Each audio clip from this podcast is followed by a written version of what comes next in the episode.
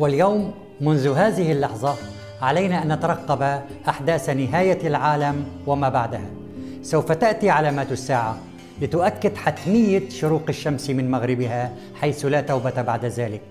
سنبعث من أرض جديدة ومشاهد جديدة كي يحاسبنا الله أحكم الحاكمين بالوزن الذري.